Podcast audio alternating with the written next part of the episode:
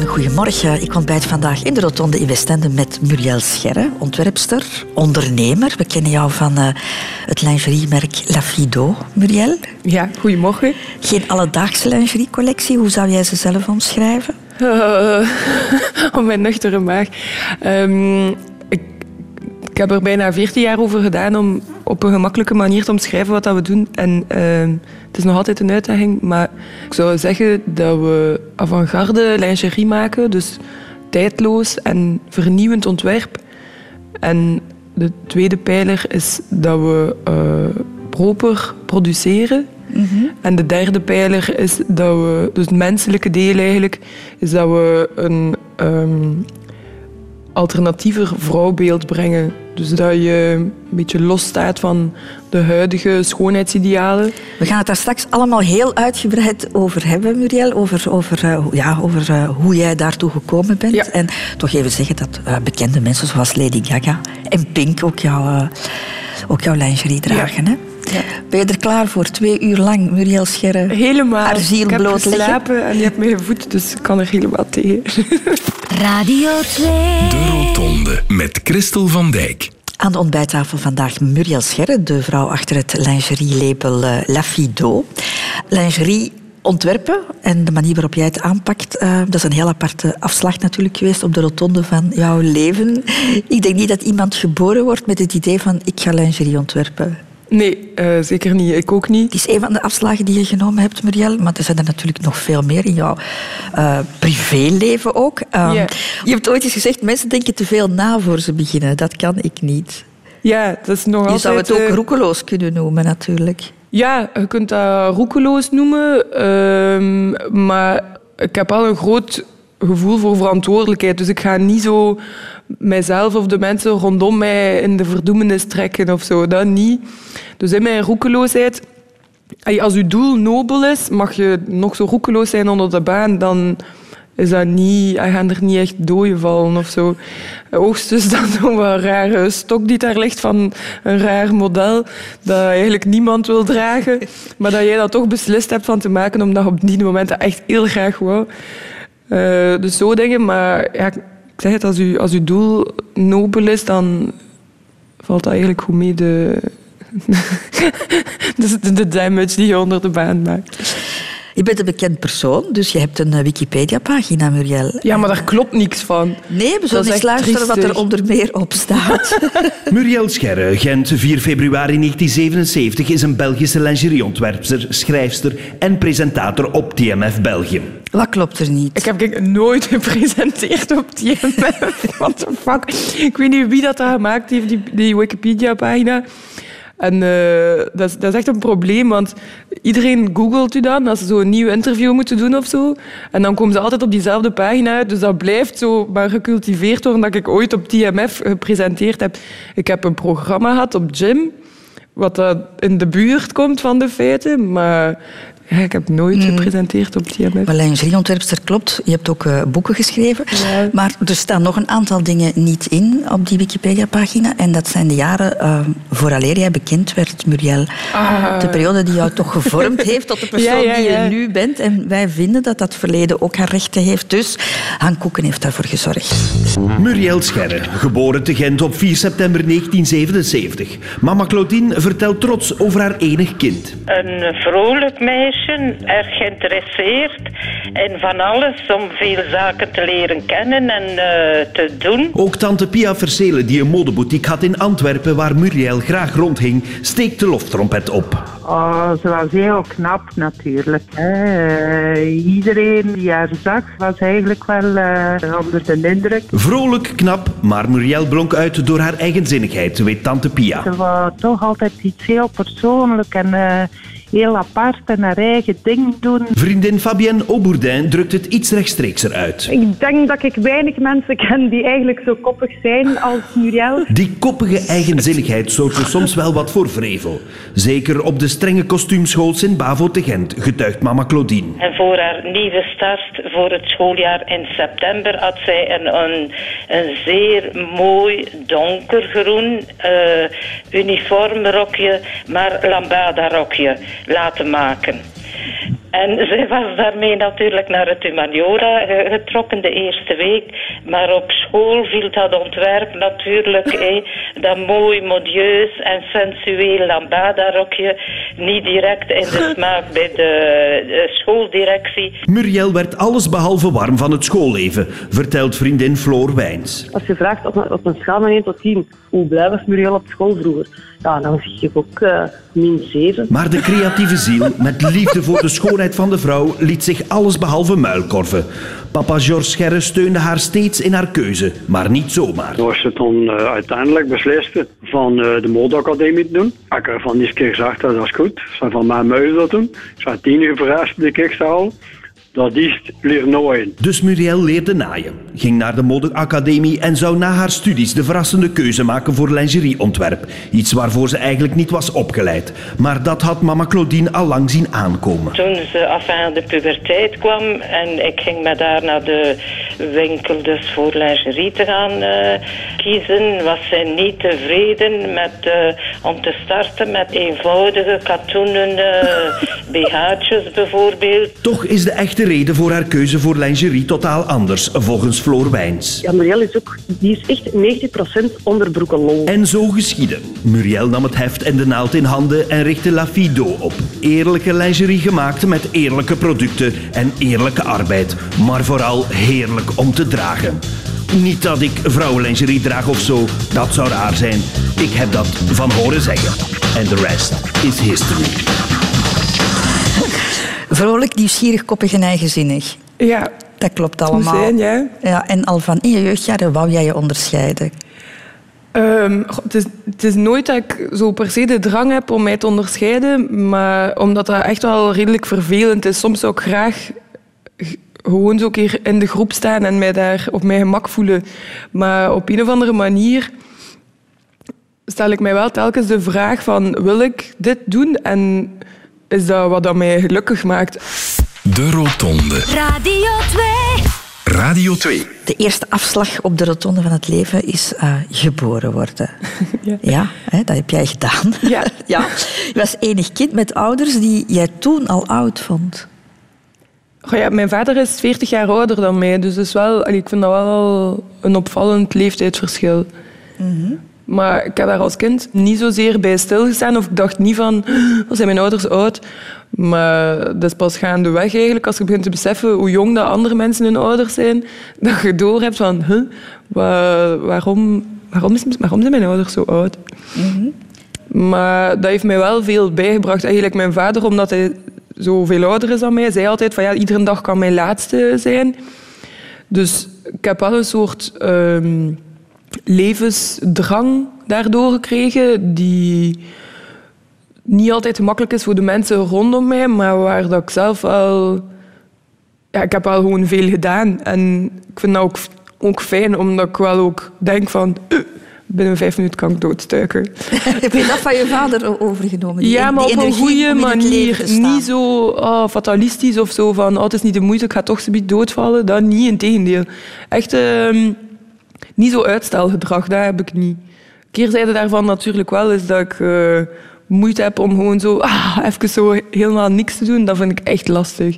Je was enig kind, Muriel. Was het niet te stil in huis voor jou? Want je bent wel een spraakwaterval, hè? Uh, ja, ik kan juist zeggen, dat ik dat dat meer dan genoeg was in huis. Ik denk dat mijn ouders na mij beslist hebben van eentje is misschien toch genoeg. Um, nee, ik vind dat terug ook daar enig kind zijn heeft voor- en nadelen. Ehm, je leert om, om je plan te trekken, om uh, genoegen te nemen met, met alleen zijn en met, met alleen het gezelschap van jezelf. Maar anderzijds is het ook wel heel moeilijker, of denk ik, want ik kan niet vergelijken, is het een grotere uitdaging toch om in een groep te kunnen functioneren en zo. Ja, ik moest ook nooit niets delen. Ik had ja, altijd uh, mijn spullen waren mijn spullen en er was nooit niemand die daar dan mee ging lopen. Dus ik denk wel, en nu door te zien, mijn eigen kindje is ook ja, enig kind.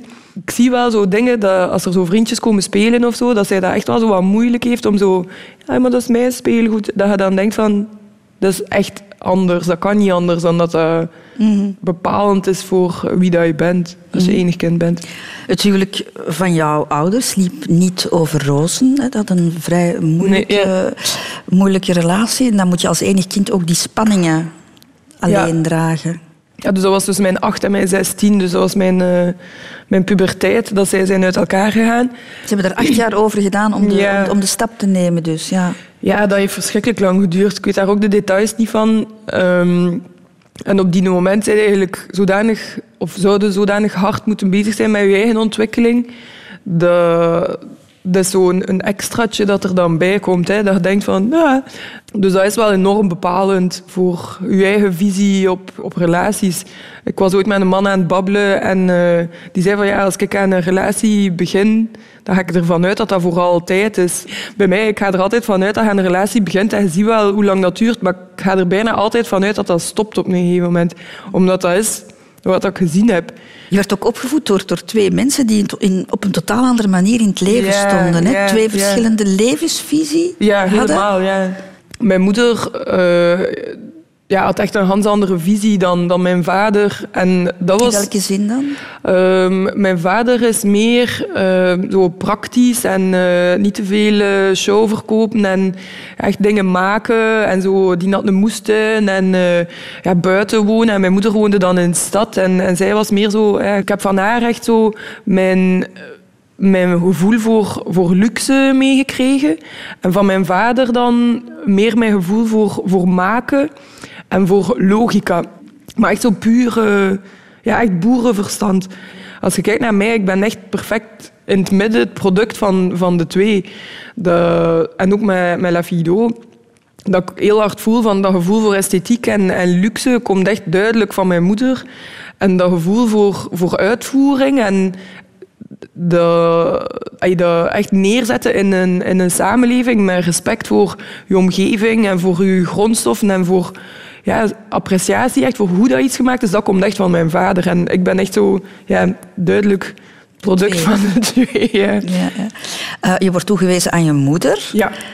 Maar jij zegt nee, ik ga dat niet doen. Ik ga bij mijn vader wonen. Hmm. Ik mocht niet kiezen. Hè. Dus op mijn acht werd ik eh, bij mijn moeder gedomicileerd. Maar dan aan mijn zestien mocht ik kiezen en dan ben ik bij mijn vader gaan wonen. Dat is ook een moeilijke keuze, hè? want je moet iemand teleurstellen dan. Ja, maar bon, als iemand acht jaar in uw plaats gekozen heeft, dan zijn je daarna wel blij dat je zelf mocht kiezen. Dus. En nu, als ik daarop terugkijk, is dat ook wel goed geweest. Omdat ik ook gewoon terug de twee mee heb gekregen. Ik zie dat nu ook genoeg met mijn eigen kindje. Is dat eh, Joris en ik, en we hebben ook een ganz andere visie op het leven. En uiteindelijk voor haar is dat niet zo slecht, want dan heeft ze gewoon twee levens ten volle. Want anders, als je samen bent, heb je, ga je samen voor dezelfde visie. Terwijl nu heeft ze echt die twee aparte visies voluit. Een keer een week voluit mijn leven en een keer een week voluit zijn leven. Eh, van mij leert ze paardrijden en van hem leert ze surfen en zo.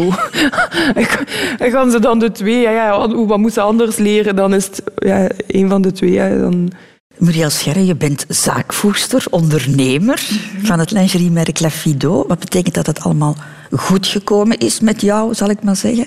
Dat hadden ze op de middelbare school allicht niet verwacht. Sint-Bavo in Gent. Eh, nee, ehm, ik was op Sint-Bavo denk ik toch zo goed als laatste van de klas.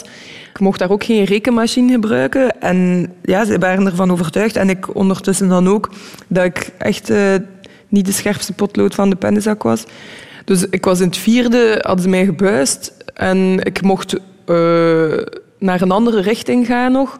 Dus dat is ook buizen met beperkingen. En dan mocht ik voortgaan naar één bepaalde richting, maar die gaven ze daar toevallig niet op die school. Dus met andere woorden was ook vriendelijk verzocht het gebouw te verlaten. En dan eh, ben ik naar een andere school gegaan en daar mocht ik wel een rekenmachine gebruiken. En eh, daar was ik dan altijd samen met een vriendin van mij toen eerstes van de klas.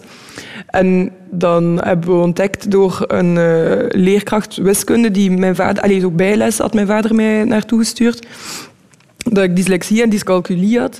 En dat ik niet gewoon achterlijk was. Dus dat was wel eh, een, verrassende, verrassende gewaarwording. Heb je dat echt ooit gedacht van, er scheelt iets met mij?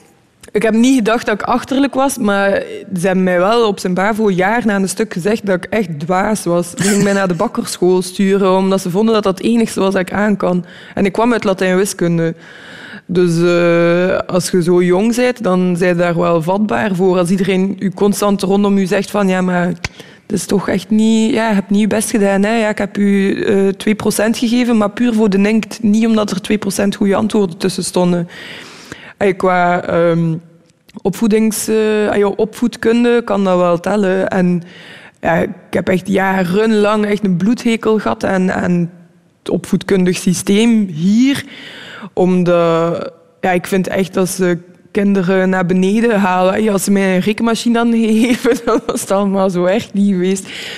Maar toen ook ja, werd daar nog niet echt zo over gebabbeld, over um, dyscalculie of dyslexie. Maar ik kijk en ik ervaar alles echt achterstevoren en ondersteboven. En dat is niet per definitie verkeerd, dat is gewoon anders. Ken je daar een concreet voorbeeld? Um, de, kende die marshmallow-test?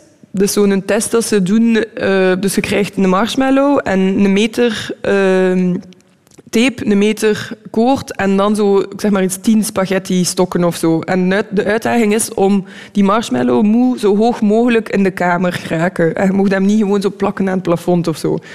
En dan moet je daar een oplossing voor bedenken.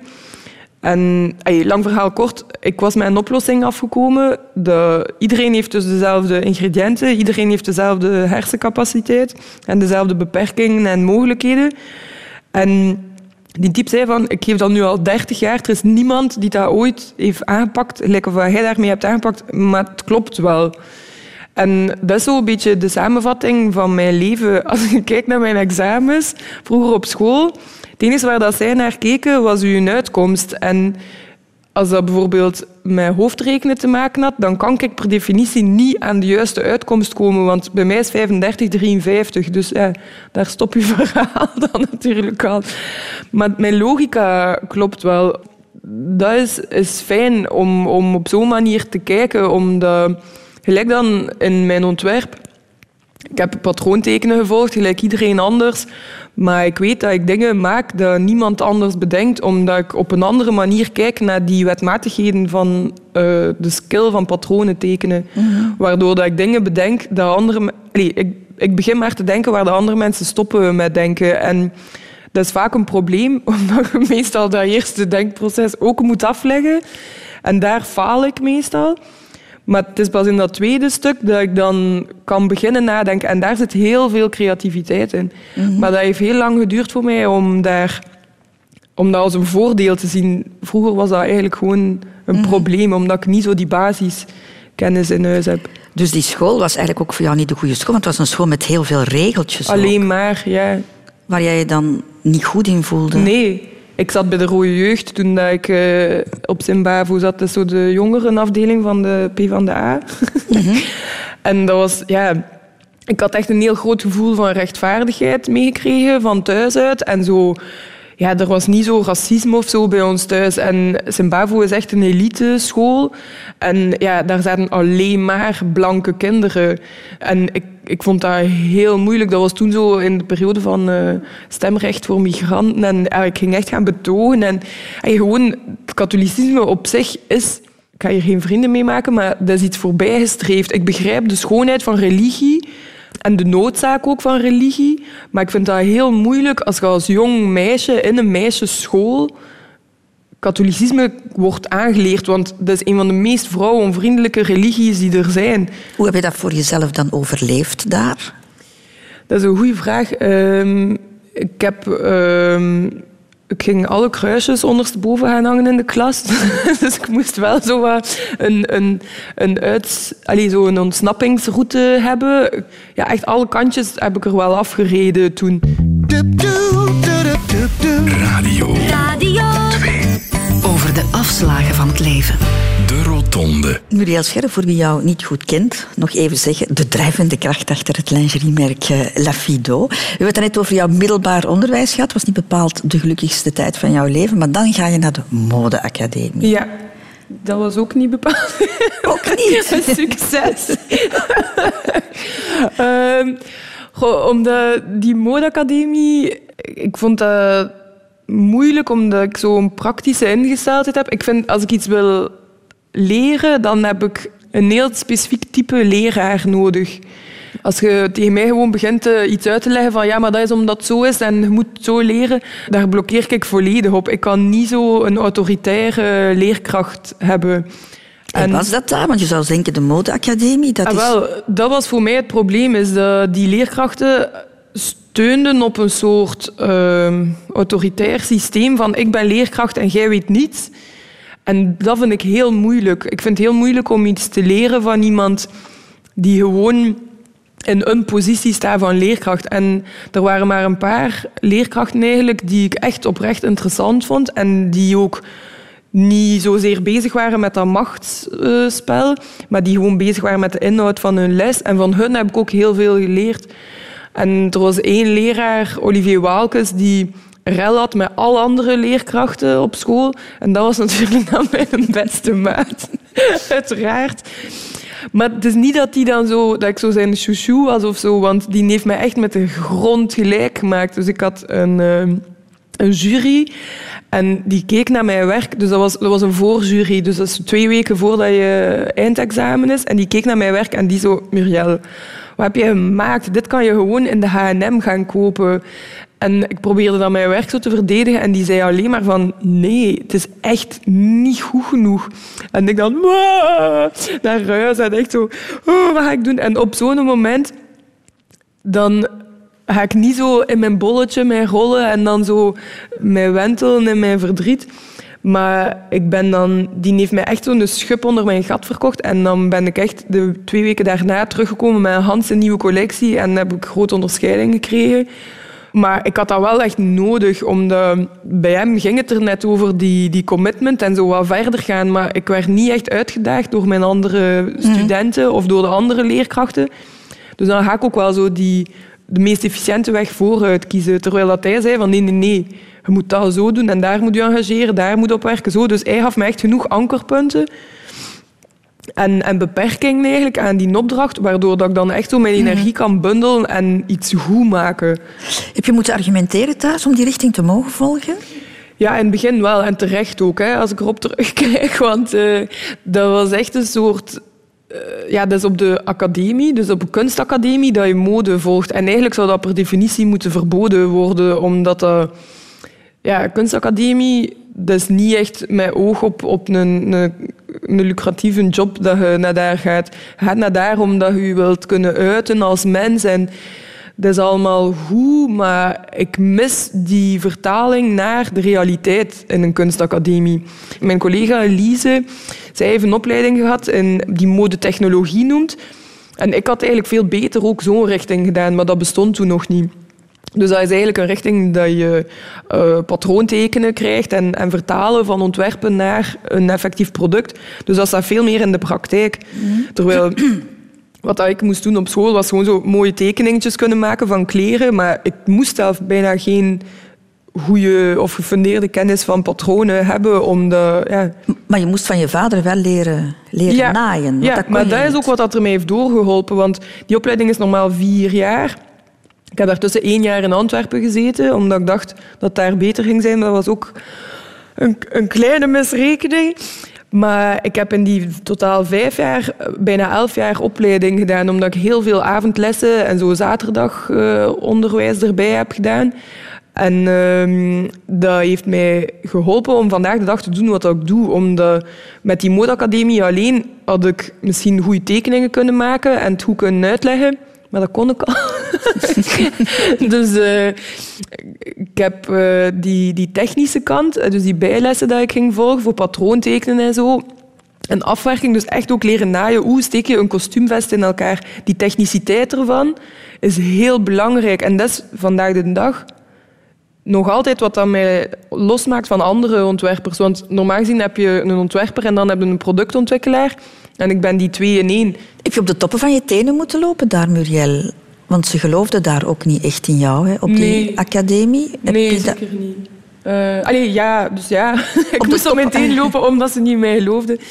Dat is altijd uh, moeilijk geweest voor mij, zo schoolomgevingen, omdat veel leerkrachten hadden er een probleem mee. Dat ik, ik was altijd de luidste van de klas. Ik heb op alles een antwoord. En eh, ja, dat is niet geestig hè, in, uh, in de groep en, en als leerkracht. Ik denk dat die heel vaak wel echt een probleem hadden met mij als persoon en dat die dan verder niet meer keken naar mijn werk. Hebben ze jou ook niet de raad gegeven, stop ermee? Ja, meermaals. In Antwerpen hebben ze mij na de tweede week gezegd van ja, meisje, je kunt beter terugkeren naar van waar dat je gekomen bent, want we gaan er u nooit doorlaten. En effectief, ze hebben mij drie keer laten terugkomen op de dag van mijn jury en ze hebben dan de derde keer gezegd van we gaan niet kijken, want je hebt Hans jaar eigenlijk niks gemaakt op iets trok. En uh, dat zal vandaag niet anders zijn. Dus ja, ik vind dat dan grappig. Dat, ze hebben mij 1 op 20 gegeven voor al mijn vakken, zelf ook voor vakken dat ik niet eens had dat jaar. En dat is dan fijn als je dan... Ik heb recentelijk een winkel open gedaan in Antwerpen. En dan komen een paar van mijn leerkrachten van toen nu bij mij lingerie halen. En die zo, de beste lingerie van de hele wereld. Ik draag echt niks anders. Radio 2. De Rotonde. Je bent dan afgestudeerd aan de Bodeacademie met uh, heel wat moeite, bloed, zweet en tranen allicht. Hè. En dan begin je enkele jaren later, in 2003, je eigen lingeriemerk, La Fido. Waarom wou jij je eigen merk, Muriel? Um, ik heb dat nooit echt gewillen. Dat was nooit echt mijn bedoeling om mijn eigen merk te beginnen. Maar ik ben gewoon beginnen maken. Er is ook iemand anders die mij daarop gewezen heeft van... hey, wanneer ga jij je merk beginnen verkopen? En ik zo... Huh? dus ik was uh, al tijdens de academie bezig met lingerie.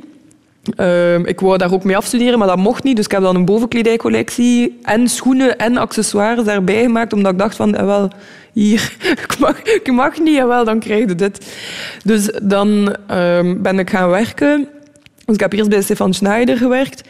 En uh, dan na mijn uren deed ik eigenlijk gewoon verder met lingerie maken. Dus ik maakte echt... Ik deed gewoon verder met wat ik op de academie uh, geleerd had. Dus ik wou dat eigenlijk gewoon toepassen voor mijzelf. Dus echt zonder mensen die in mijn nek waren aan het blazen van dit moeten doen en dat moeten doen.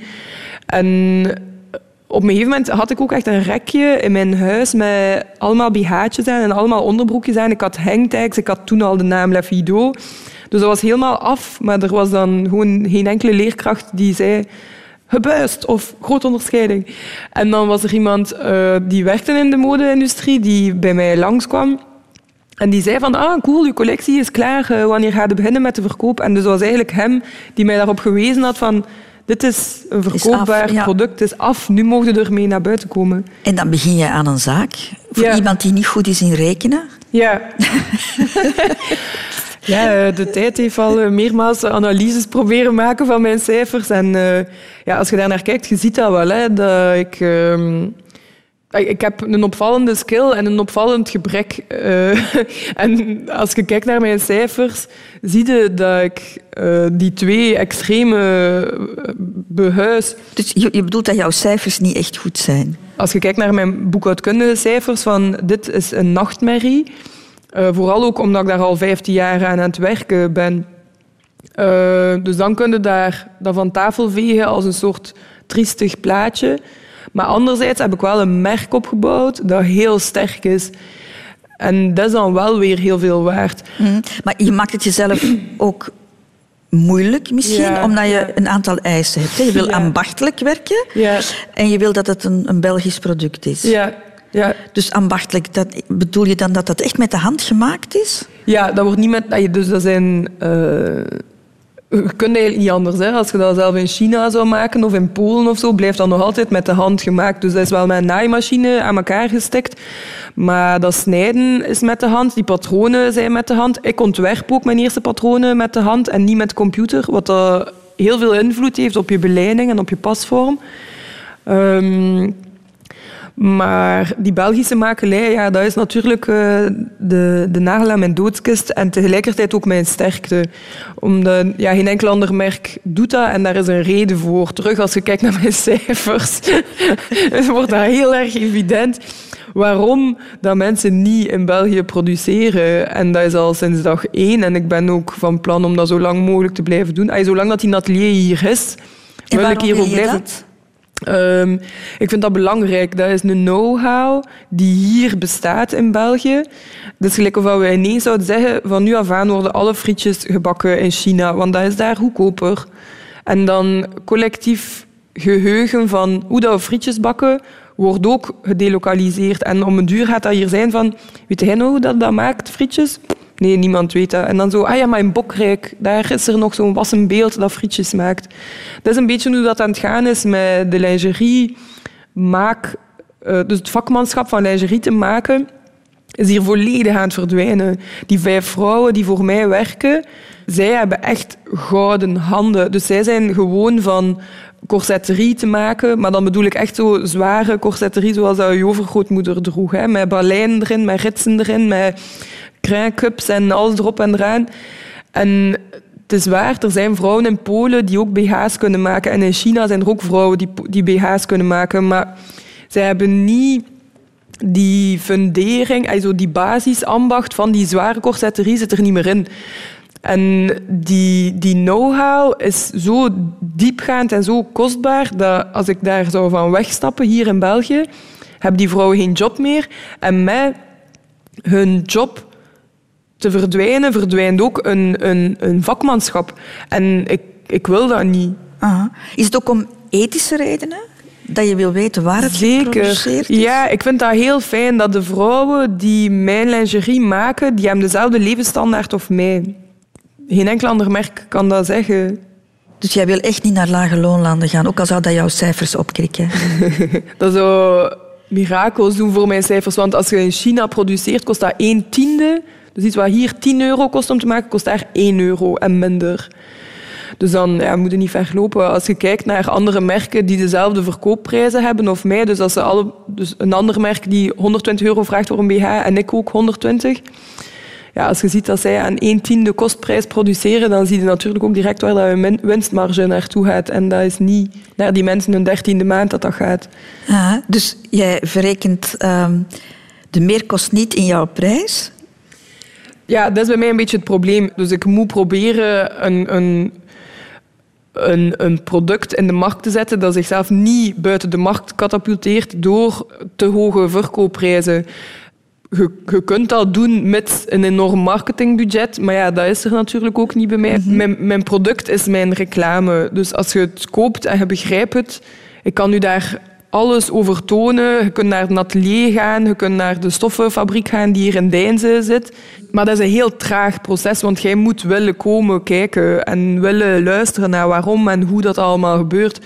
Terwijl dat andere merken, gelijk een H&M, die hebben dan zo een eh, conscious collectie. Dat is dan zo Vanessa Paradis, die dan eh, in de groene blaren ligt. En dan denkt hij direct van, ja, Vanessa Paradis de ultieme luxe hippie. Dus dan zijn ze al mee in dat verhaal. En dan, die hebben zo'n gigantische marketingbudget dat zij u alles kunnen verkocht krijgen. Zo de greenwashing dat voor het moment aan de gang is. Voor mij is dat de hel, want er zijn maar zoveel woorden dat je kunt gebruiken om je uit te drukken voor wat dat je doet. En als die allemaal geclaimd worden door valsspelers, ja, dan blijven er voor mij geen woorden over om te zeggen wat ik eigenlijk doe. Een goed voorbeeld is het woord fairtrade. Iedereen kent fairtrade. En als je... of- Eerlijke handel. ja, met het zuiden is dat eigenlijk. Hè? Want fairtrade, lokaal, dat is geen fairtrade. Dus hetgeen dat ik doe, is eerlijke handel met camel en wevelgem. Daar bestaat, daar bestaat voorlopig nog geen internationaal label voor dat iets of wat van eh, waarde heeft. En dat is moeilijk. Dat is moeilijk om dan aan iemand te kunnen uitleggen van... Ah ja, maar hij doet geen fairtrade. Ah ja, maar wat doet hij dan wel? Dus ik doe eigenlijk iets dat fairer is dan de gewone fairtrade en dan de gewone trade. Maar daar bestaat geen label voor, omdat geen enkel andere zot dat wil doen. Maar kan je ervan leven, Muriel? Ja, ehm, met... eh, maar eh, als mens ben ik ook niet zo belust op geld op zich. Maar je kan jezelf niet veel geld uitkeren elke maand. Nee, maar ik vind, ay, voor wat te doen dan? Wat zou ik doen met dat vele geld dat ik mij dan zou uitkeren? Geen idee, ja. Ik, echt, ik doe letterlijk alle dagen wat ik graag doe. Dus ik zou niet weten waarom dat ik dan extra geld... Gewoon om dat op mijn bankrekening te zetten. Ik heb niet het gevoel dat ik iets tekort heb. Mag ik weten hoeveel jij jezelf uitkeert per maand? Ik heb lang 500 euro mij betaald als ik het nodig had. En dan had ik een upgrade naar 1000. En dan onlangs eh, moest ik eh, huishuur betalen. Dus, dus dan eh, heb ik mijzelf nog een loonsverhoging gegeven. En nu heb ik 1500 euro in de maand. Hoe, hè? Achter 15 jaar. Echt grote onderscheiding. De Rotonde. Radio 2. Radio 2. Muriel Scherre van het lingeriemerk eh, La Fido. Ik zou het met jou eens willen hebben over eh, de manier waarop jij naar een lichaam kijkt en waarop jij met naaktheid omgaat. Want als we jouw BH's bekijken, die zijn heel transparant. Hè? Je ziet eigenlijk de hele borst. Ja, niet bij alles, hè. Maar ja, Ook geen voorgevormde BH's om de boel een beetje extra glans te geven. Nee, ik vind voorgevormde BH's zo stoeven met zo dingen dat er niet zijn. En ik vind dat ook overbodig. Je kunt een beetje vergelijken als je eh, alle mannenslips een eh, soort padding erin zou steken. En vroeger deden ze dat. Hè. Dat zo echt zo eh, een, een, een vals stuk in de mannen broek zat. En dan, nu moet jij daarmee lachen, maar dus, ik vind dat ook belachelijk. Maar ik vind dat even zo belachelijk voor vrouwen. En vrouwen doen dat wel. En ik wil niet mij inbeelden de ontgoocheling die mannen moeten kennen. Dat je denkt van, oh, prachtige vrouw, komt die tegen, eh, die heeft een prachtige decolleté. En dan doet je die mee naar huis, hij doet die kleren uit. En dan hoorde die een BH echt op de grond vallen. En dan ligt die decolleté gewoon op de grond. En ook hoe ongemakkelijk moet u voelen als vrouw als je weet dat je zelfvertrouwen in je BH zit. Als je met bepaalde cupmaat naar de lingeriewinkel gaat en ze geven u op die moment een voorgevormde BH, dus met zo'n extra cupmaat, oh, ik vind dat een belediging. Wat is er mis met een A-cup? Niks. En waarom moet iedereen per definitie een D-cup hebben of meer? Waarom? Het is eigenlijk, eigenlijk is dat bijna nooit genoeg. En ik vind dat dwaas. Dat is niet zo. Er zit schoonheid in A-cups, B-cups, C-cups, allemaal. Die variatie is net zo mooi en dat is zo fijn. En het feit dat iedereen een uniek lijf heeft en van gezichten wordt dat min of meer geapprecieerd nog, maar van borsten precies niet. En het is gelijk of alle mannen een soort masker zouden aan hebben, dat ze over hun penis trekken en dat iedereen dan zo dezelfde standaard prachtige penis heeft of zo. Dat is belachelijk. Maar dat is wel wat vrouwen zich laten aanmeten dag na dag, is dat je naar de lingeriewinkel gaat en je doet daar zo'n soort perfecte kokosnootvorm aan die zo op je borsten wordt geplakt. En dan heb je, dan, dan zeiden er, dan, dan heb je die, die, die cup. En dan denk ik van, maar ik wil dat niet. Ik ben blij met mijn eigen borsten, laat mijn kopje gerust. Is het daarom dat in jouw winkels, want je hebt twee winkels, één in Gent en één in Antwerpen, dat eh, daar geen gesloten pashokjes zijn?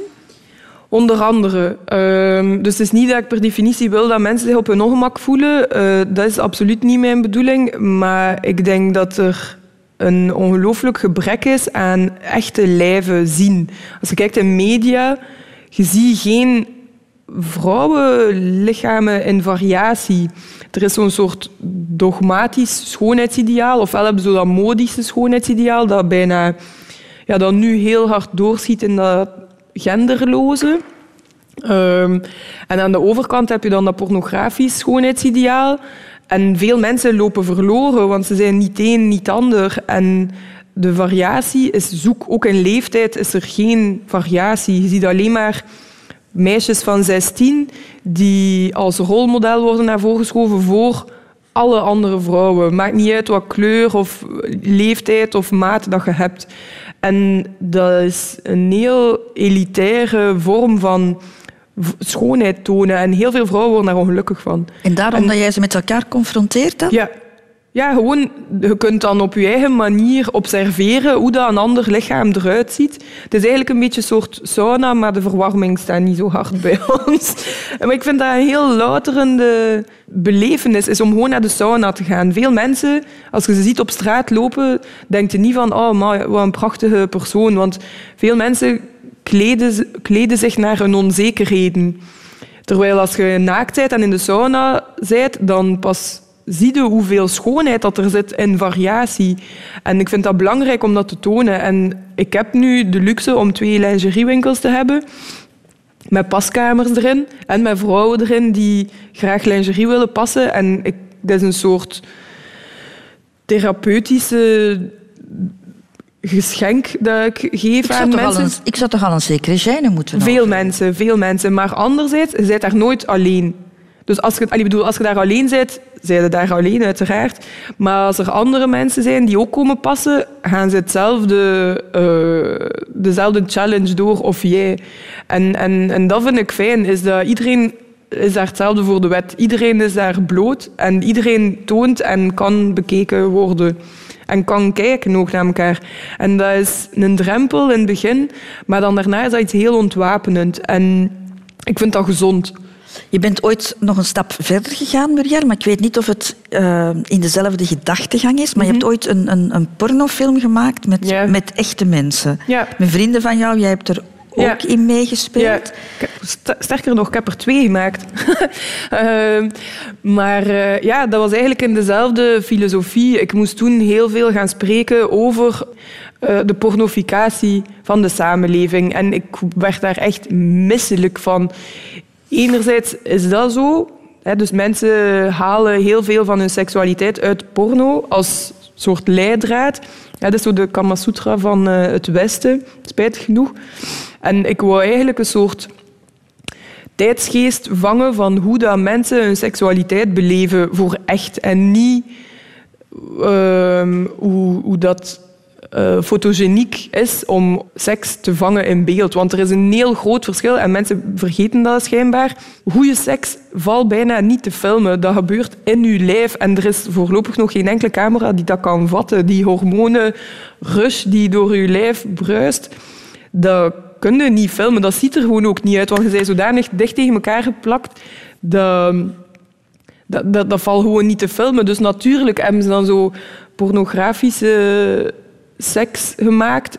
Dat is eigenlijk gewoon een soort fotogenieke versie of een filmbare versie van seks. En dat heeft niks meer te maken met je echte beleving. En ik wou met die film tonen op een mooie fotografische manier hoe dat goede seks voor die mensen dan concreet voelt. En dat was een van de meest waanzinnige projecten dat ik in mijn leven al gedaan heb. Moest ik kunnen, ik zou daar graag nog veel meer mee doen. Ehm, omdat ik weet dat er daar heel veel nood aan is om daar een soort tegengewicht aan te geven. Maar ik vond dat echt een heel, heel veel fijn project om te doen. De liefde, Mhm. Muriel Scherre. Zullen we het daar eens over hebben? Zeer zeker. Is dat een vrolijk hoofdstuk bij jou? Ja, eigenlijk wel. Het een... eh, maar stel maar eerst uw vraag Nee, volledig. nee, zeg dat, maar. dat was al de Dat vraag. was al de vraag. Ik dan nu beginnen razen? Ehm, ja, het is eh, een eh, groot hoofdstuk. Ehm, een leerrijk hoofdstuk. Een vrij onduidelijk hoofdstuk ook. Maar wel een boeiend Mhm. hoofdstuk. Kan jij je binden aan iemand? Ja, zeker. Voor hoe lang? Tot nu toe was het maximum zes jaar. Ehm, ik ben er 39, dus ça va nog. Maar het is ook een, een beetje een rare periode om, eh, om, om een relatie te hebben. Alles kan en alles mag. En ik vergelijk het een beetje met als je uit middelbaar onderwijs komt en gaat naar de, naar de universiteit of naar de hogeschool. Er zijn veel mensen die zo verloren lopen zo in l'embarras du choix. Hm? Ehm, en ik denk dat dat mijn grootste vraag is, is dat ik niet precies weet wat dat je allemaal moet verwachten van een relatie. En dat ik denk ook soms van, je verwacht er te veel van. En je moet niet zo'n hoge eisen stellen. Maar anderzijds denk je ook van, ja, maar je wilt ook niet zo settelen voor iets dat je maar semi-gelukkig maakt. Als er die twijfel is, dan ben ik liever niet met iemand samen dan zo, ah ja, doe gewoon voort voor het gemak. Maar begin je aan een relatie met het idee van dit is het? Ja. En ik ga, mis- Iedere ik ga, opnieuw, ja. ik ga oud worden met die persoon? Ja. ja. En waar loopt het dan mis, Muriel? Goh, ja, in de praktijk dan. Hè. Ehm, vaak gaat eigenlijk over evoluties van die twee personen naast elkaar en dat je elkaar op een bepaald moment ontmoet in je leven. En ja, die rotonde dan, hè, dat je ineens ziet van hé, hey, jij hebt hier een andere afslag gepakt dan mij. En dan sta je niet meer op dezelfde plaats. Ik denk dat dat is wat er het meest is misgelopen. Ik merk ook wel aan mijzelf, dat, hetgeen dat ik in het begin ook zei, van, dat ik niet de makkelijkste ben om mee samen te leven, omdat ik heel veel rijd en heel veel afslagen neem. En dat sommige mensen dan echt denken van, vrouwmens, houd je een keer op je gemak. Voor koppels die al heel lang samen zijn, hoor je dat wel eens. Hè? Op een bepaald moment waren we elkaar kwijt, Ja. maar we hebben elkaar teruggevonden. Mhm. Maar dat geduld heb jij niet. Of de energie niet om dat op te brengen. Mm, Dat zou ik niet durven zeggen, want de meeste mannen met wie dat ik ooit een relatie had heb, zijn wel nog altijd op een of andere manier in mijn leven, maar dan gewoon niet meer als, als partner. Maar die... Ik kan dan gewoon met hen afspreken en dan hou ik mijn kleren aan. Dus dat is dan gewoon hetzelfde, maar anders. Maar dus die mensen zijn mij wel nog altijd heel dierbaar. Maar dan voel je gewoon op een gegeven moment van... Dat is niet meer de bedoeling dat wij een, een liefdesrelatie hebben. En kies jij voor een exclusieve relatie, Muriel? Ik bedoel, eh, een monogame, Ehm, trouwe relatie? je hebt goed opzoekingswerk gedaan, hè? Ik vind dat... Dat is ook een belangrijk vraagstuk. Eh, Alain de Botton heeft zo eh, een boek geschreven... Ik ga je vraag niet ontwijken, hè. kom er terug. Ik, ik, kom er naartoe. Ehm, en hij zegt dat je eigenlijk zo drie partners hebt in je leven. Dus dat je iemand hebt met wie dat je je seksuele passie deelt. En dan ehm, iemand met wie dat je je huishouden runt. En dan iemand die je mentaal je voedsel voorziet. En ik vraag mij af of dat je dat vindt in één iemand.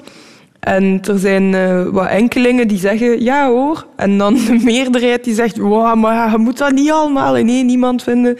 Als je één van de drie hebt of twee van de drie, prijs jezelf gelukkig en, en stop met mekkeren. Maar ik, ik heb echt wel de heilige overtuiging dat je de drie in één kunt vinden. En dat is ook mijn doel, om zo'n partner te hebben eh, en te zijn ook. Maar dat is natuurlijk niet evident om de, je hele leven te blijven voor elkaar. Want de partners die ik gehad heb, waren op het moment dat we samen waren dan ook wel die drie. Maar dat is een, een grote camion dat je moet bij elkaar houden hè, van, allee, van ingrediënten. En ik denk dat daarin de moeilijkheid zit. Dat ik wel veel naar de tafel breng, maar ik verwacht ook wel veel, denk ik. Dus ja, ehm, ik geloof in eh, monogame relaties, maar de praktijk leert mij dat 99% van de mensen die beweren dat ze een monogame relatie hebben, eigenlijk leugenaars zijn. En eh, een lief meermaals of minstens één keer bedrogen hebben. En dat is een spelletje dat ik niet wil meespelen. Dus ik vind eerlijkheid heel belangrijk in een relatie. En ik heb liever te zeggen tegen mijn partner van kijk, we hebben een relatie met elkaar, maar als jij verliefd wordt op iemand anders of jij wil seks met iemand anders, doe dat en zeg mij dat. Dat je daarin die vrijheid hebt. La Fille komt eigenlijk van Histoire d'Eau. En dus hou voor een koppel. En daarin beschrijft hij de ongelooflijke liefde die schuilt in het feit dat je zo sterk bent als koppel dat je iemand kunt vrijlaten om te doen wat ze moeten doen. En dat die persoon kan beleven wat ze voelt, dat ze moet beleven. En dat die dan rijker terugkomen naar die relatie. Dat is denk ik wel mijn visie van hoe dat een relatie in elkaar zit. Maar kan jij daarmee leven met het feit dat jouw partner Ja. soms de lakens deelt met iemand anders? Ja, ik vind dat absoluut niet erg. Wat dat voor mij bedriegen inhoudt, is de, de oneerlijkheid. Niet de fysieke, het fysiek delen van je lijf met iemand anders. Daar, daar ben ik absoluut niet jaloers over. Ik vind het veel moeilijker als iemand liegt tegen u. Daarin zit het eigenlijke bedriegen voor mij. Muriel Scherre, in 2008 heb jij gezegd, ik heb geen kinderwens. En dan vier jaar later is dan toch jouw dochter daar. Hoe, hè? Ja, dat komt ervan, hè. Toch Ja. even knop omdraaien dan. Ja, maar dat klopte heel hard op die moment. Met de, de, de vader van mijn kindje klopte dat ook heel hard. Ik had zelf een soort angst om moeder te worden, omdat ik niet goed... Ja, ik, ik had, heb zo vrouwen die van als ze geboren zijn direct zo... Oh, woesje, zo de kinderdingen. Ik heb heel lang baby's vergeleken met vogels, omdat dat... van alle dieren is, dat, is vogel, een vogel het enige dier dat ik niet kan lezen. Ik weet niet, heeft een vogel honger? Heeft een vogel, eh, is hij moe? Is hij verdrietig? Ik kan een vogel niet lezen. Terwijl van andere dieren is dat simpel. En ik had met baby's precies hetzelfde. Dus ik wist niet... Wat wil die baby die weent? En ik snap niet wat die baby wil. En ik dacht dat het niet gemakkelijk zijn als ik een kind heb en als ik niet kan begrijpen wat die baby wil. Ik ben, eh, zoals je misschien gemerkt hebt, fan van communicatie tussen mensen. Ehm, en ik dacht van, ik ga niet kunnen zorgen voor een baby, omdat ik niet ga weten wat hij nodig heeft. Maar eh, ik denk dat een kind de ultieme leerschool is over communicatie. Ik vind dat geschift. Ik heb het gevoel dat mijn baby geboren was en dat hij al van dag één kon babbelen met mij. Dat hij mij kon zeggen van, nu, ik heb dat nodig, geef mij dat. Of ik wil dit, of dat vind ik leuk, dat vind ik niet leuk. Dus jij kon die baby vanaf de eerste dag lezen, zoals jij Ja. noemt. Ja. Ik ben ook niet meer bang van vogels nu. zo, hop. Allee, ik was niet bang van vogels, maar nu denk ik van, vogels zijn eigenlijk nog zo erg niet. Maar waarom heb je dan toch die stap gezet? Wat voor gevoel Omdat dat was klopte. er plotseling? Hij was een soort Uber-papa. En dan dacht ik van, oké, de het ongemak dat ik daarover heb, hè, zo de, de omgekeerde babyfluisteraar-factor dat ik heb voor mijzelf, werd wat opgegeven, opgeheven door zijn ehm, extreme babyfluisteraar-factor. Dus dan dacht ik van, ja, hetgeen dat ik mankeer, gaat hij dan wel, eh, ga ik wel leren van hem of heb ik in hem als voorbeeld. Want hij is ook, ja, die zijn met vier thuis, zijn mama was met 37 thuis, of ik weet niet, of, allee, met ontzettend veel kinderen thuis. Ik ben ook thuis bevallen. Ehm, met mijn schoonmoeder. Qua raarheid kan dat, kan dat tellen, maar het was een prachtig fijne bevalling. Ehm, dus die, die komen zo echt uit een nest waar kinderen, kinderen, kinderen, alles draait daar rond kinderen. Dus ik dacht van alles wat aan mij zo wat ontbreekt, ga, ga ik wel daar kunnen leren. Dus dat was al goed. Maar eigenlijk had je het niet nodig, want je- had het meteen van het eerste moment. Ja, maar dat weet je natuurlijk Nee. niet van jezelf. Hè. Ja, er is maar één manier om dat uit te vlooien. En echt, God forbid, dat je ontdekt op die moment dat het niet in je zit. Wat doe je dan? En dat risico zag ik niet zitten om dat te nemen. Hoe heeft dat kind jouw leven veranderd? Ehm, op velerlei manieren. Ehm, ik heb het ook al een paar keer gezegd. Enerzijds denk ik van, ah, ik had daar eigenlijk eerder moeten aan beginnen aan kinderen. Maar anderzijds is het wel goed dat ik dat nu met hem heb gedaan en niet met mogelijk vorige partners. Dat was raarder gedraaid. Het is nu zo. Dus ehm, er zijn heel veel dingen dat ik eigenlijk leer van haar. Zo de schaamteloosheid waarop dat zij kunnen duiden wat dat ze nodig hebben op de meest onmogelijke momenten. Dus hij gaat dan boodschappen gaan doen en dan Hans in de winkel doorploegen. Ja, Hans dat lijstje, ja, gezellig, afgetikt wat je allemaal nodig hebt. En dan juist aan de kassa, dus je hebt dan nog een half uur gewacht aan die kassa. En dan zo, mama, ik moet pipi doen. En dan denk je, ja, oké, maar kunnen we nog vijf minuten extra wachten? Nee. Dan denk je oké, eh, ik ga even die spullen hier allemaal op die band laten wachten en dan uitleggen aan die dertig mensen die achter mij staan te wachten dat mijn kind nu pipi moet doen. Sorry. Ehm, dus dat vind ik wel boeiend, dat, dat die... Eigenlijk leerde veel af als volwassene, zo, om je te gedragen en niet zozeer te uiten als je echt afschuwelijk woest bent om eh, een of andere reden. Ik denk dat veel emoties als volwassenen worden afgevlakt en denk... Je kunt zeggen van ja, dat is een vorm van beleefdheid dat je moet leren hè, en ouder worden om je op een subtielere manier uit te drukken. Maar ik denk dat we daar niet per se altijd gelukkiger van worden. Als je ziet dat een kind zijn emoties heeft op het moment dat ze het hebben en niet vijf minuten daarvoor of vijf minuten daarna. daarna ik denk dat hij daar heel gelukkig van worden. Om dat op die moment even gewoon in de groep te kunnen gooien. Je bent niet meer samen ondertussen met Nee. eh, de papa van, van jouw dochter. Nee. Dus eh, jullie hebben co-ouderschap. Ja. Dus één week is ze bij jou, één Ja. week bij de papa. Moeilijk, hè? Ja, ehm, ja, over de hele lijn is dat moeilijk, maar anderzijds ook wel fijn, want door uit elkaar te gaan, nu ben ik een week fulltime mama en daarvoor was ik fulltime parttime mama.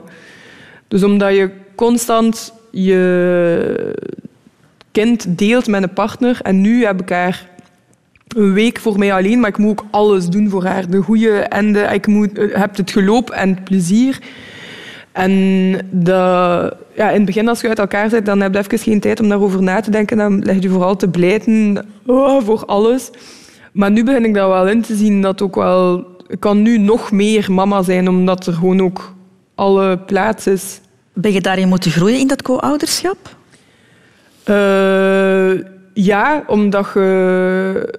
Ja, ja. Want dat is iets heel eigenaardig. Hè. Ehm, je gaat uit elkaar met je partner en dan moet je toch zo direct in zo'n hyper-efficiënte modus gaan voor je kind. Want je kunt niet zo zeggen, wacht, ik ga even drie maanden miserabel zijn en bel mij dan nog een keer. Dat kind moet de maandag gewoon naar school. En als jij dan Hans de nacht hebt met dat loren gesmeten naar je lief, ja, dan moet je wel gewoon om zeven uur uit je nest en zorgen dat dat kind op school staat.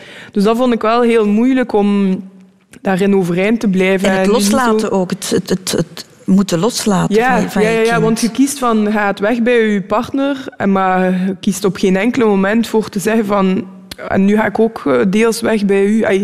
Dat is heel moeilijk ook om dat duidelijk te maken aan je kind. Hm? Want eigenlijk ga je voor een deel weg. Of moet je je Ja. kind een, een deel loslaten. En, Ja. en dat lukt de ene dag beter dan de andere. Ja, die eerste maanden zeiden, eh wilde echt gewoon drie maanden in de zee gaan liggen en eh even ja, niet voortdoen, maar ja, je moet hè. En dan moet je een manier vinden om dat te doen. Radio Radio Over de afslagen van het leven. De Rotonde. Muriel Scherre, je lingeriemerk mag dan wel La Fido heten. Jij zal niet eeuwig een meisje blijven. Hè? Ooit krijg je rimpels, ga je krimpen en ga jij dood. Ja, zeer zeker. De Mag het allerlaatste afslag op de rotonde. Ja. Je bent er bijna 40, wordt 40 dit jaar, dus je Mhm. hebt nog wel even. Hè? Ja, dat weet je niet. Hè. Ja, voor hetzelfde geld is het eerste bied al gedaan. Hè. Maar statistisch gezien, hè? Ja, statistisch gezien eh, had ik nu al binnen moeten zijn en aan het rentenieren op de Balearen als je in de mode zit. Maar dat is nu ook niet echt gebeurd. Dus, Dus je moet nog wel even bezig blijven. Ja, ja, ja, ja, ja. Maar daarvoor ga ik het nu ook niet doen. Ehm, ja, statistieken zijn nog nooit echt eh, van toepassing geweest. Dus ik ga er niet van uit dat ik nog duizend jaar ga leven. Mhm. Je bent er ook bijna niet meer geweest. Hè? Je hebt toch ooit een heel zwaar verkeersongeval ja, gehad? Hè? Ja. Ja, toen heb ik echt wel eh, een peloton eh, beschermengelen even wakker Ja? gemaakt. Ja. Maar ja, dat was goed. om, dat, om dat even mee te maken. En het is grappig, want nu doe ik dan eh, af en toe zo demolition race. Dus dan... Wat doe je? demolition race, dat is zo oval racing. Dus is met oude auto's dat ze racen. Dus dan is dat tof. Ik heb wel zo'n soort eh, afwijking voor eh, snelheid met de auto, wat dat niet echt goed is. Uiteraard, omdat er nog andere weggebruikers zijn. Dus dan eh, ja, heb ik ontdekt dat je dat ook kunt doen als sport op een circuit. en ja, dat is een, een, fijne, een fijne ervaring. Mhm. Maar dat zwaar verkeersongeval, was dat traumatisch? Is dat iets dat is bijgebleven? Nee, want dat was een zwaar ongeval, maar ik ben eigenlijk gewoon uit mijn auto gestapt. Ik had eigenlijk moeten over kop gaan en, en drie keer dood zijn, maar dat is niet gebeurd. Dus dat was, ik was ook 18 toen, dus als je op je 18 denkt van, ja, zie je, ook dit kan ik overleven. Dus ik heb daar niet... Ja. Ik was wel ehm, wakker geschud, op zijn minst. In welke zin? Ja, omdat mijn vader dat echt altijd zei. Hè, van, ja, iedere dag kan je laatste zijn. En als je daaruit stapt, dan denk je wel even van... Oh, hij had gelijk. Omdat je echt, als je jong bent, dan denk je echt van... Ik ben onverwoestbaar. Niets kan mij raken of zo. Ehm, en toen ja, besefte wel van, oei, toch wel. Een andere manier van, van, van doodgaan, het is misschien een vreemde stap die ik nu maak, maar je lichaam bijvoorbeeld heeft het laten afweten na de breuk met de papa van je kind. Hè. Ja. Je, bent, je bent ziek geweest. Hè? Ja, ja, ja. En jij hebt dan besloten om jouw lichaam terug tot leven te wekken. Mhm. Ja. Een vereisenis. Ja. Ehm, ja, ik had gewoon eh, een beetje te veel eh, hooi op mijn vork genomen, gelijk wat ze zeggen. Want ik was dan uit elkaar aan het gaan en dan ondertussen ook een winkel aan het open doen. Eh, ehm, mijn collecties moeten ook ontworpen blijven. De, ja, mijn team moet ook blijven draaien. Dus dat is een, een, een molen die niet even kan stoppen. En ja, dat is super moeilijk om, om dat te laten draaien allemaal. En eh, ja, ik ben dan ook niet iemand die dan gewoon gaat zeggen van "Oh, ik, ik kan het even niet meer aan, ik ga mij even leggen. Eh, wat ik eigenlijk af en toe beter wel zou doen. Maar ik weet niet, ja, ik ben daar niet zo goed in om, om te plooien. Dus dan doe ik gewoon door en dan op een gegeven moment krijg je dan eh, ja, een klop. En dan moet je toch even liggen, verplicht. Omdat je lijf echt gewoon overneemt. Wat voelde je toen? Ehm, ja, ik heb niet zo echt thuis gezeten of zo. Hè. Je voelt gewoon van, ja, je lijf is gewoon in overlevingsmodus. En ja, ik was beginnen pilates doen en ik ging iedere week naar de therapeut ook. Omdat ik dacht van, eh, dat zijn dingen dat ik moet doen om mijzelf op de been te houden. Ehm, maar dat zijn wel eigenlijk ook allemaal redelijk harde dingen. Ja, therapie, de normaal mens zou dan zeggen van... Oh nee, ik ben zo wat mottig van die breuk. Ik ga, ehm, ik weet niet, een week of twee weken op reis gaan. En dan zeiden er wel zo wel wat do- door met zo wat in de zon te gaan liggen of zo. Maar ik denk dan van, ah, ik zit nu al op mijn gat. Ik ga die andere potten vuil ook nog even opentrekken en fixen. Dus als ik zo voel dat er iets los is met mijn gewone gang van zaken, dan... Als, als, als er één probleem is, zeg maar, en dat is één vat met problemen erin, dan pak ik in één moeite door ook nog zo die drie andere kleine vaten die daar stonden bij aan. Dan is dat allemaal ineens opgeruimd. Ik ga dat bijna nooit doen op het moment dat je zo woehoe, je voelt je top en alles is oké. Dan denk je daar gewoon niet aan om, om, om, om het vuil buiten te zetten. Dus dan doe je dat op het moment dat je dan toch al met je kop ehm, in, in de vuilbakken zit. En dan eh, ja, ben ik daar wel heel intensief mee, mee bezig geweest. Maar heb ik ook wel beseft van... Pilates is heel hard voor je lijf. En is echt wel... allee, ik kon me daar echt in afreageren. Maar dat ik ook wel zo wat lieve dingen moet doen voor mijn lijf. En dan... Nu probeer ik wel zo af en toe ook gewoon naar de sauna te gaan. En dat ik niet zo... eh,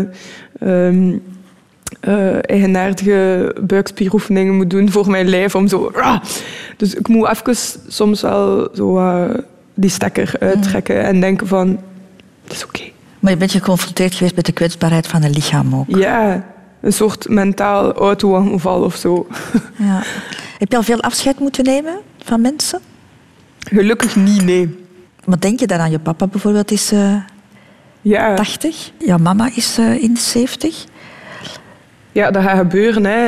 Eh, mijn vader heeft al ooit een keer een hartaanval gehad. Dus dan denkt hij wel van, ah, is het nu al? Mijn vader heeft zo'n paar gevleugelde uitspraken. En één daarvan is zo, het enige dat je zeker weet in je leven is dat je doodgaat. En dan denkt hij van, ja, ja, maar dat zal nu toch nog niet zijn. Dus ik ben daar niet bang voor of zo, om dood te gaan. Eh, het is nu ook niet dat ik er naar uitkijk, hè, vooral duidelijkheid. Maar ik zie niet in waarom dat ik daar angst moet voor hebben, omdat het een feit is. Dat, gelijk als je je laat tatoeëren, mensen zeggen van ah ja, maar dat doet superveel pijn. Maar je gaat naar daar en je maakt een afspraak. En je weet, dan ga ik naar daar gaan en gaat pijn doen. Dus je kunt je daarop voorbereiden op een of andere manier. Maar het feit dat het eh, een verrassing is, ik denk dat dat het meeste pijn doet of zo. Ja, dat je een afgewerkt verhaal is. Ja, ja, ja. Maar ja, ik denk anderzijds dat dat ook niet mogelijk is. Dat je denkt van, het is oké, als je nu doorgaat, mogen je echt doodgaan. Dat, dat, dat kan ook niet. Dus je verlangt iets dat onmogelijk is, denk ik. Of vampieren worden, hè. dat is mijn ultieme droom. Ik heb heel lang, als ik klein was, met mijn raam opengeslapen, zo. Omdat uw handen voor uw Ja, als ik klein was, was er zo'n programma op tv dat ehm, De Kleine Vampier noemde. En dan wou ik echt heel graag ook een vampier zijn. Omdat die dan eeuwig leven. Dus dat is echt een boel van uw problemen opgelost. Maar wel s'nachts, hè, Muriel? Wat? S'nachts Maar leven ja, dat, zou ik ook, dat vond ik nu ook niet echt eh, een vloek. Dus ik zag het zitten. Nog altijd, hè, ze mogen nog altijd komen bij. Ik heb hier ook met mijn raam open geslapen. Ik dacht, misschien, misschien zijn er wat zeevampieren. Ik denk dat je eerder een zeemeeuw Ja, ja. zal aantreffen. Ge- gebeten, gebeten van een zeemeeuw. Radio 2. De Rotonde. Muriel Scherre, heel hartelijk bedankt dat je naar hier wou komen. Wat kan ik jou nog wensen en wat kan ik jou eh een lingeriemerk La Fido nog wensen? Geen idee, ja, dat mag jij kiezen. Kies maar. Wat wil jij nog graag? Hmm, nog een beetje meer van hetzelfde, denk ik. Een beetje meer van hetzelfde. Doen wat je goed in bent. En dan nog één ding, Muriel. Eh, iets in het gastenboek schrijven. Dat zou ik heel fijn vinden. Ja. Ehm, ja, ik heb er iets in geschreven. Ik kan goed babbelen hè, en ik kan ook wel schrijven en zo, maar ik vind het heel moeilijk om te doen. Dus eh, naar goede gewoonte heb ik ook eh, een zijweg genomen. Ik vind dat ik al heel veel gedeeld heb vandaag. Dus ik heb gewoon geschreven Christel met CH. Ik heb dat erbij geschreven. Ik heb gezegd ja en dank u. Ja met een sterretje. En eh, omdat ik vind dat ik al heel veel gedeeld heb, ehm, heb ik een stukje voor jou apart geschreven. Zo, dat zijn dan de bladzijden dat je moet aan elkaar plakken in je dagboek. van die lelijke tekening. Van die ene die je eigenlijk niet zo tof vond. Of van wie dat je stiekem verliefd was of zo. Dus dan is dat voor jou. Zo, alsjeblieft. Muriel Scherre.